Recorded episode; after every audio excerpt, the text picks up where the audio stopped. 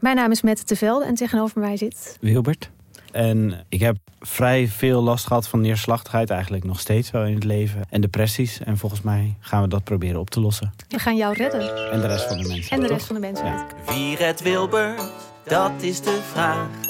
Wie helpt hem bij de kwesties en problemen van vandaag? Luister naar Wie redt Wilbert en de rest van de mensheid. Een podcast van de VPRO voor NPO Luister. Kijk, de Jordaan. Daar ben ik geboren en getogen. De nieuwe Nederlandse musical Onze Jordaan van Diederik Ebbingen is dit najaar in de theaters te zien. Koop nu uw kaarten op onzejordaan.nl. Leuk toch? Hallo, dit is de wekelijkse podcast van de Groene Amsterdammer. Kees van der Bos is op vakantie, mijn naam is Bas Mesters en ik mag hem vervangen.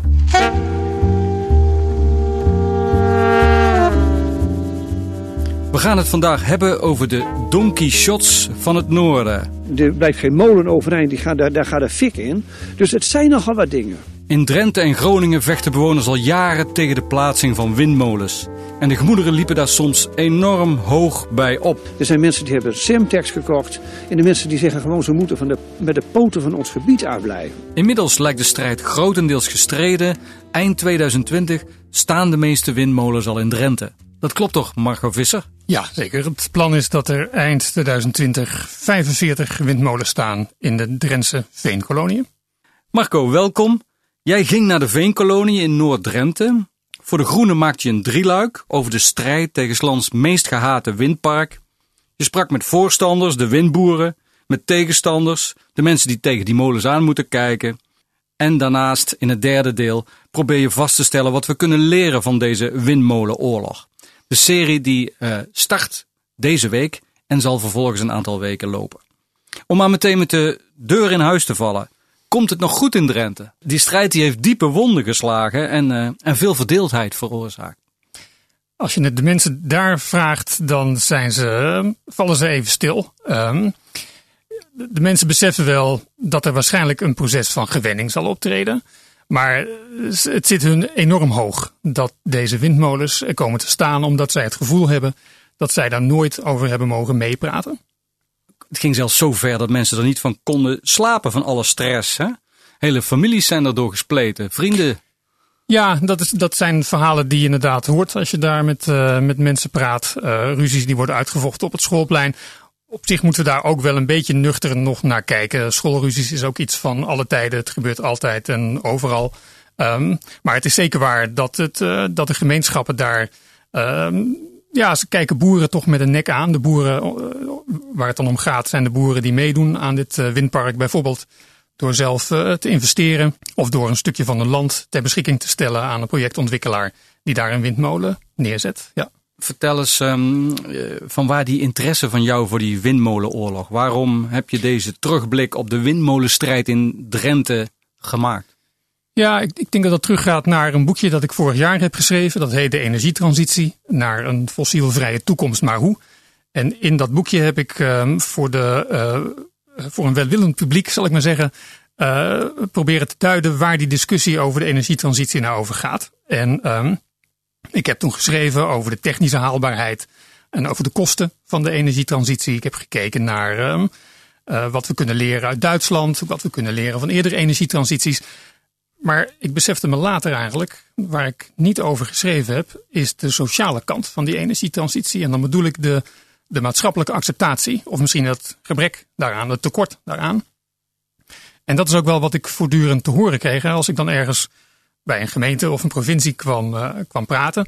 Soms ook met beleidsmedewerkers. Of vroeg of laat kwam dan toch in dat gesprek naar boven. Ja, we moeten natuurlijk niet van die uh, toestanden krijgen zoals in de veenkoloniën. En dan bedoelden ze het vandalisme dat daar uh, plaats heeft gevonden. En de bedreigingen die daar ook zijn, zijn verstuurd naar windboeren en bedrijven die meedoen aan het windpark. Um, dus je ziet op het beleidsniveau zie je veel nervositeit eigenlijk om, om windmolens uit te rollen. En het komt natuurlijk omdat mensen op zich volgens mij positief staan tegenover windenergie. Maar als het dan gaat om windmolens die dichtbij komen, dan verandert dat verhaal toch wel een beetje. Dan zijn mensen bang voor het, uh, voor de hinderen die ze ondervinden als het gaat om het geluid, om het uitzicht. Ze hebben het over landschapsvervuiling. Sommigen vrezen voor hun gezondheid, waardedaling van, van de huizen. En dat zijn allemaal dingen die ik niet zo in het boek heb meegenomen. In het boekje gaat het vooral over, ja, kunnen we het eigenlijk wel redden met, met, met zonnepanelen en windmolens? En, en, en wat betekent dat voor, voor de economie? gaan die kosten omhoog? Dus om die reden wilde ik graag dat sociale aspect meer, uh, meer naar voren halen. En ik ben geboren in, in Drenthe en ik vind het heerlijk om daar, uh, om daar te zijn. En je bent ook mede-auteur van het boekje Ecomodernisme. En dat is een, uh, een boekje wat gaat over de energietransitie. Maar daar wordt ook in geschreven over misschien de rol van kerncentrales die zinvol kan zijn. Um, die vraag moet ik je dan toch stellen. Je had toch niet een vooropgezet plan om met deze reportagereeks een anti-windmolenverhaal te maken? Nee, nee, helemaal. Dat is ook helemaal niet de feedback uh, die ik heb gekregen van, uh, van de redactie van, van de Groene Amsterdammer. Nee, kijk, ecomodernisten zijn helemaal niet tegen windmolens, maar hebben wel hun twijfels, omdat er gewoon nog altijd sprake moet zijn van een backup. Zonder batterijen doen windmolens het alleen maar als de wind waait. Windmolens hebben relatief veel grondstoffen nodig. Ze hebben veel landoppervlak nodig. Maar dat zijn ook helemaal geen argumenten die zo'n rol spelen in de discussie over windmolens in Drenthe. Heel veel mensen zijn zich toch nauwelijks bewust van dit soort gegevens. Ecomodernisten verwelkomen de CO2-vrije stroom. Maar CO2-vrije stroom komt ook van kerncentrales. En kerncentrales doen dat op een klein stukje land. Ze verbruiken relatief weinig grondstoffen. En, uh, en het afval dat ze produceren is heel weinig en het is allemaal goed beheersbaar, et cetera. We hoeven niet een discussie over kernenergie nu te houden, maar ja. Ja, maar je bent daar gewoon als journalist naartoe gegaan ja. en je wilde onderzoeken hoe um, die enorme energietransitie, hoe breng je die tot stand? Welke sociale uh, impact heeft dat op een gebied? Ja, precies. Ja. Ik heb mijn journalistieke pet van opgezet. Ja. En die um, past mij. Dat uh, zeker zo. Dat waren drie mooie verhalen. Ik heb ze al mogen lezen. Laten we eens even reconstrueren. Het speelt zich af in de veenkoloniën in Drenthe. Wat is dat voor een gebied? Ja, het is een, uh, ik vind het een prachtig gebied. Er zijn wijdse uitzichten daar. Het, het is allemaal afgegraven veen daar.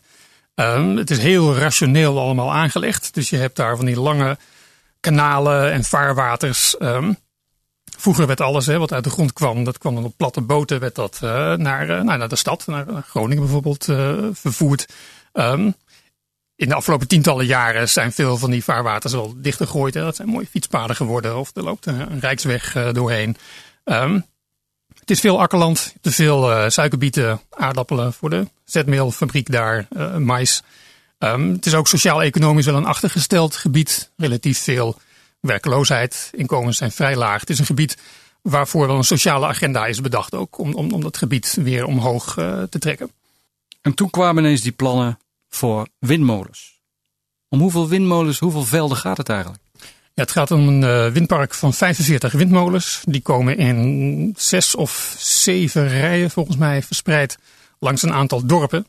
Um, het dorp waar ik veel ben geweest tijdens mijn reportage is Gasselt en dat is een, een, een lintdorp, zoals je daar heel veel lintdorpen eh, hebt.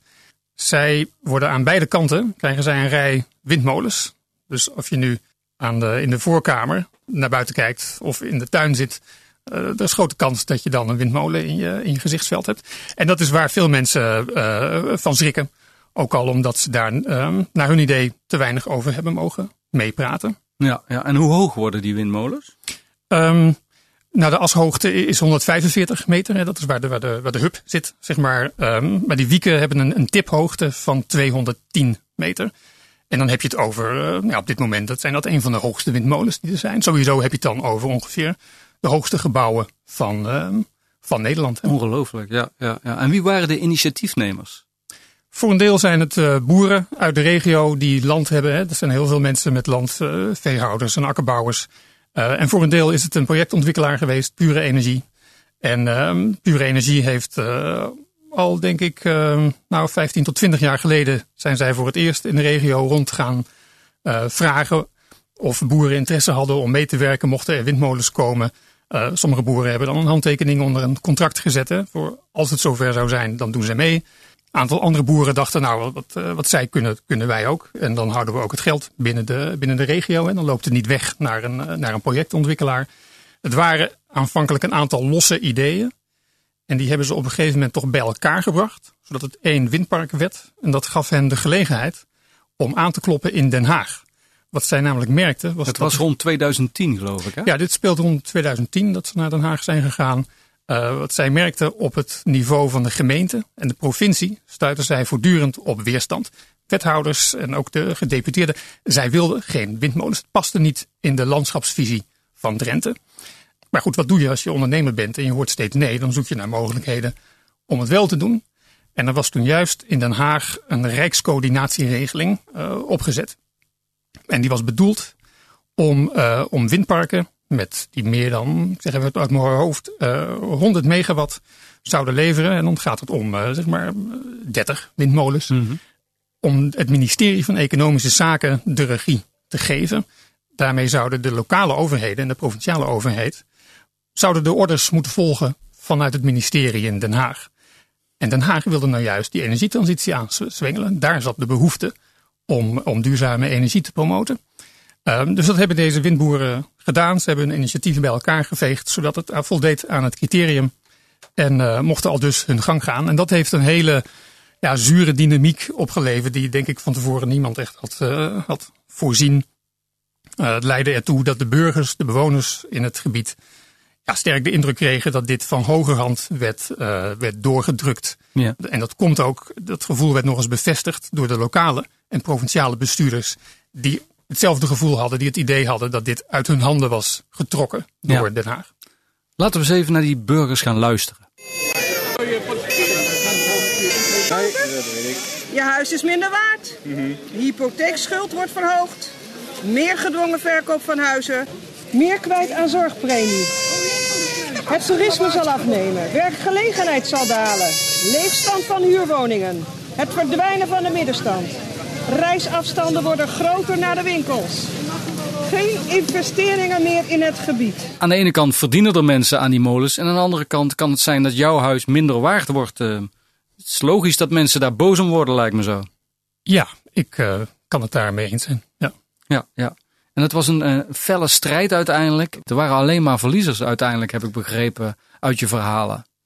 Ja, dat is volgens mij wel wat een van de windboeren zei. Er zijn alleen maar verliezers. Maar als je dit hardop zegt tegen iemand die daar woont, die zal zeggen: hoezo alleen maar verliezers? Wij zijn de verliezers. Die windboeren hebben gewonnen. Ja, goed, daar zullen de windboeren wel weer een uh, draai aan, uh, aan geven. Want zij hadden oorspronkelijk ook nog wel andere plannen, misschien grotere plannen. Uh, sowieso is het proces ook helemaal niet verlopen zoals zij dat wilden. Dus de vraag is of zij echt de winnaars zijn. Maar goed, je kunt wel zeggen, die windmolens die zij graag wilden, die zullen er nu dan eindelijk komen. Ja, wat ik wel uh, las in je verhaal is dat, ja, nou ja, ze zijn in zekere zin, de windboeren, die presenteerden zich ook als een soort verliezers, want ze hebben heel lang moeten wachten totdat hun investeringen zullen gaan renderen. En daardoor hebben ze heel veel meer moeten lenen bij de bank. Ze zijn soms bedreigd. Er zijn zelfs uh, windboeren die hun kinderen van school moesten halen. Um, was het echt zo erg? Of, uh... Nou, dat, ja, dat laatste heb ik nooit echt boven tafel weten te halen hoor. Of echt kinderen van windboeren van school moesten worden gehaald. Het is natuurlijk wel zo. Windboeren die, die maken een investering. Zij zijn ondernemer. Mm -hmm. En uh, je maakt alleen maar kosten om uh, rapportages te laten maken. Om uh, ook de leidingen aan te leggen. Dat, is allemaal, dat moet allemaal uit je eigen geld komen. Daar zit helemaal geen subsidie op. Je verdient pas aan windmolens op het moment dat ze gaan draaien toen ze hiermee begonnen, zeg maar in 2009, 2010, toen het wat serieuzer werd, hè, toen ze toestemming kregen van het Rijk om dit park uh, neer te zetten. Ja, dan denk je, ach, dan duurt het nog vier, vijf jaar. Maar het proces werd natuurlijk voor een deel getraineerd door omwonenden. Met overigens uh, democratisch uh, verzetten, allemaal netjes ja. protesten bij, bij de overheid. Klachten bij de Raad van State, bezwaarschriften gaat er dan over. En dat daarmee heeft het proces wel erg lang geduurd. Hè. Het idee van die rijkscoördinatieregeling waar we het net over hadden. Het idee was om het proces dan te versnellen. Want provincies en gemeentes die waren te traag. En, en dus moest er snel worden gehandeld. Dat kon dan vanuit het ministerie van Den Haag. Maar ja, als je bedenkt dat de eerste plannen dan teruggaan naar zeg maar 2002, 2003. Toen de allereerste plannen werden bedacht. Ja, nu zitten we dan in 2019. En nu staat de eerste windmolen er. Dat is toch een behoorlijk lang traject. Dat had een provincie ook nog wel zelf kunnen doen. Ja, ja, ja.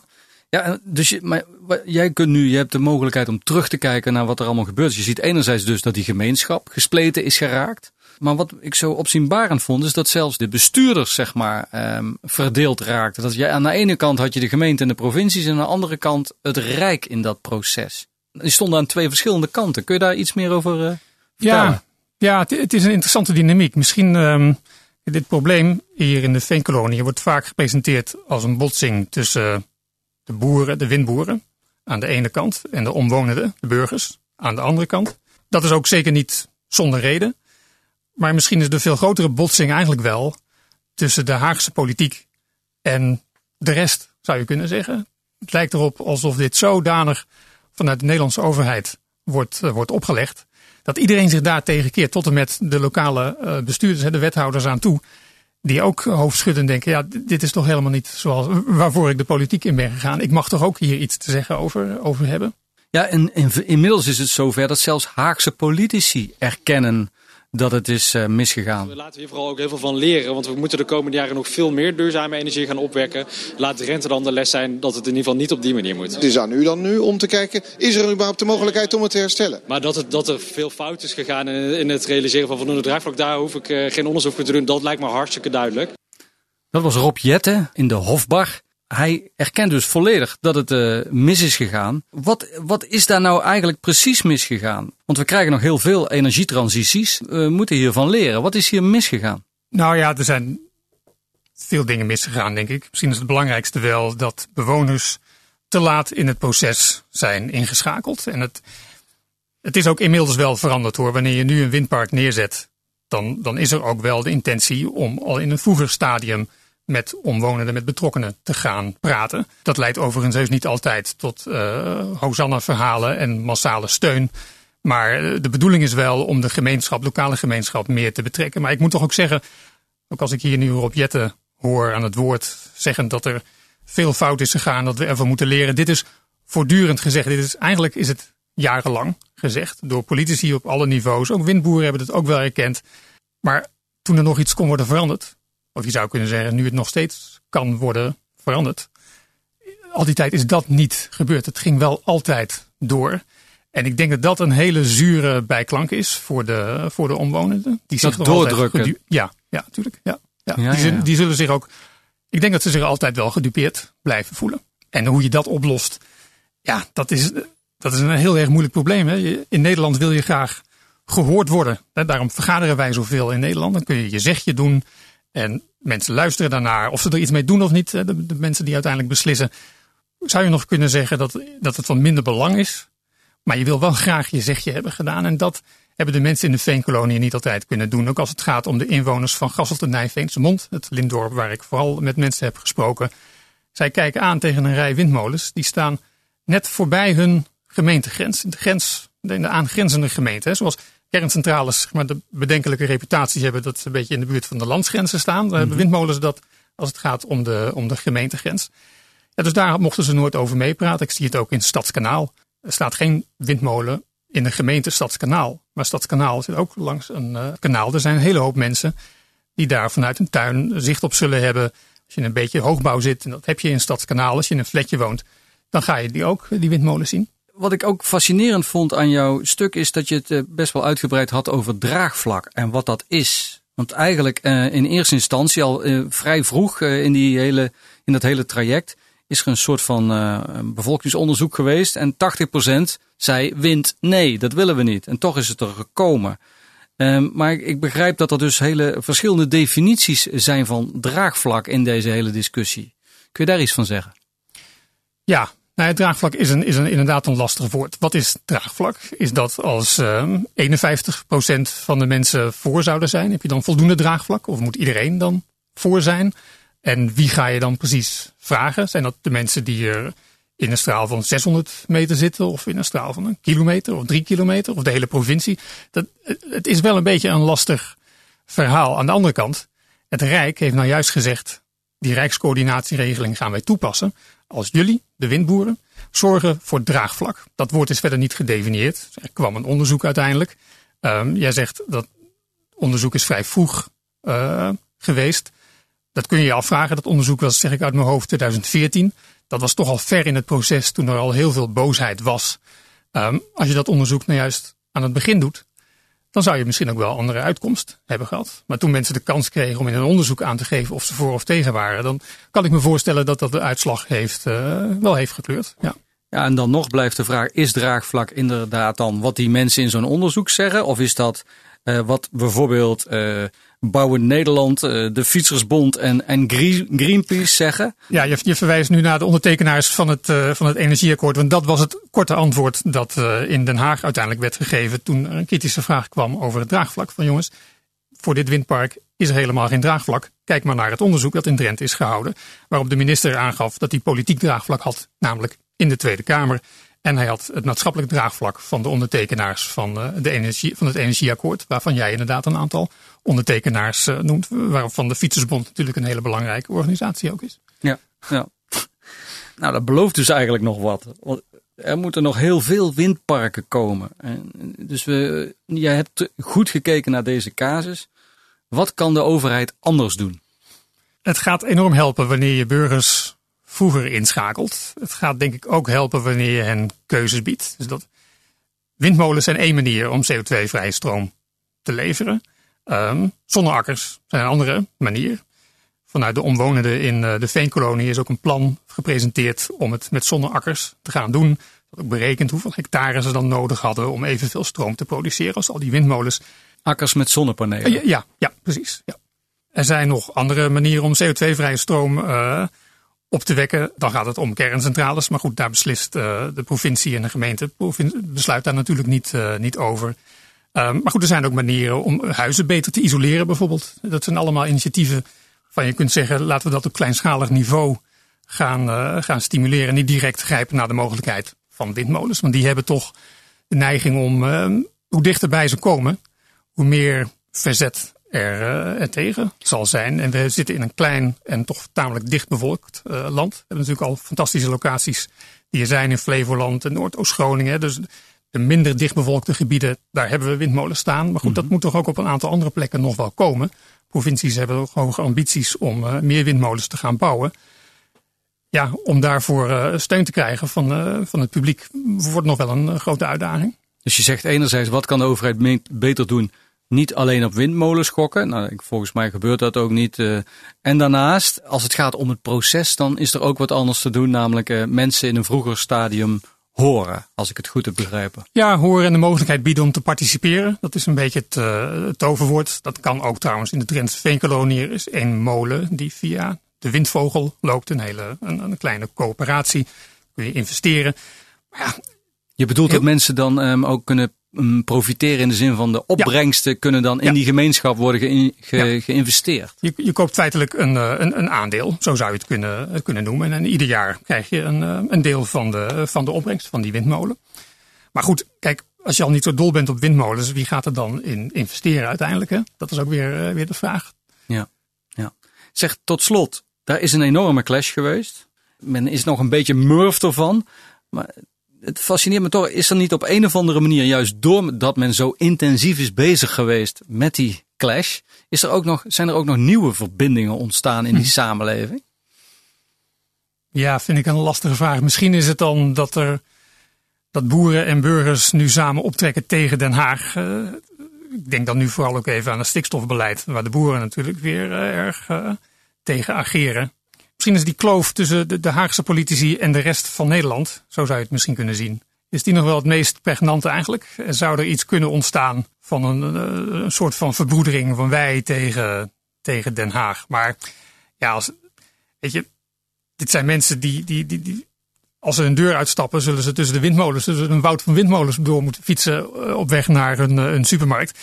Die zullen misschien niet in eerste instantie zo denken dat ze uiteindelijk een bond hebben met de boeren tegen de politici in Den Haag. Ik, ik, ik denk dat dit op, op lokaal niveau toch echt wel veel schade heeft, uh, heeft berokkend. En dat de tijd zal helen, dat zal het zijn. Maar uh, dat er wel een wond is, uh, is geslagen. Ja, ja. En deze hele strijd, is dat nog een soort metafoor voor Nederland? Zie jij daar een, een, een pars pro toto? Nou ja, ik mag toch hopen dat we niet dit soort toestanden krijgen. Er zijn in Drenthe nu uh, vier mensen in totaal aangehouden in verband met het onderzoek naar de bedreigingen en ook asbestdumpingen op, op bouwlocaties van Ah, ja. ondernemingen die meewerken aan, eh, aan het windpark. Maar dit gaat voor een deel ook over eh, het windmolenpark bij eh, Veendam en Mede. N33 heet dat park. Maar goed, dat loopt een beetje in elkaar over. Het gaat van de Groningse veenkoloniën daar naar de Drentse koloniën waar ik naar, eh, naar heb gekeken. En in die regio zie je dat er ehm, ja, sprake is van eh, wat windterreur al, eh, al is genoemd. Maar goed, over die vier mensen die zijn aangehouden en gearresteerd. ehm, van hen kun je volgens mij zeggen dat het gaat om brave burgers die nooit met de politie of in een gevangenis zouden hebben gezeten als die windmolens er niet zouden komen. En dat, dan kun je zeggen, dan hebben zij zich enorm laten gaan. Dat is zonder meer waar. Voor het geval hè, dat zij schuldig zouden zijn. Maar er, er zijn mensen die hebben zich bezondigd aan de buitenwettelijke middelen. Ehm, maar je kunt je toch ook afvragen of er niet ergens ook een rol is waarin de overheid ook een rol heeft gespeeld in, eh, in dit alles, dat het zover heeft kunnen komen. Ehm, en als je het dus hebt over die vraag pars pro toto. Nou, ik, ik vind het lastig om er, om er al te grote conclusies aan te, aan te verbinden. Dit is een, een, een vrij specifiek geval. Wat er hier in de Veenkolonie is gebeurd. En het is vast mogelijk hoor, om, nou, wat ik net ook al zei, met een, clash met de Haagse politici. Dat zit er wel, wel in. Zo zou je het als metafoor kunnen zien. Maar ik, ik ben toch ook huiverig om daar al te grote woorden aan te wijden eigenlijk. Dit is gewoon wat er hier in de Drentse Veenkolonie is gebeurd. En eh, daar moeten ook bestuurders maar hun eigen lessen uit leren. Helder. Dankjewel Marco Visser voor je verhelderende drieluik in de groene. Lees deze week in de groene ook een onderzoek naar de onderzeebootlobby. Nederland is van plan nieuwe onderzeeboten te kopen en verschillende makers proberen de politiek te beïnvloeden. Leugens en onwaarheden worden daarbij niet geschuwd. En ook een portret van de nieuwe generatie criminelen die nog harder en meedogenlozer is dan de voorgangers. Wilt u een proefabonnement op De Groene? Ga dan naar groene.nl. U krijgt dan 10 weken De Groene voor 15 euro. En volgende week zijn we er weer met analyses en achtergronden bij het nieuws in deze podcast van De Groene Amsterdammer. U kunt ons ook beoordelen in uw podcast-app. Bij veel sterren stijgen we op allerlei lijstjes en kunnen we weer meer mensen onze mooie podcast laten horen. Deze week werd de podcast gemaakt door Alfred Koster en Bas Mesters. En de muziek is A Tune for Anne van Paul van Kemenade.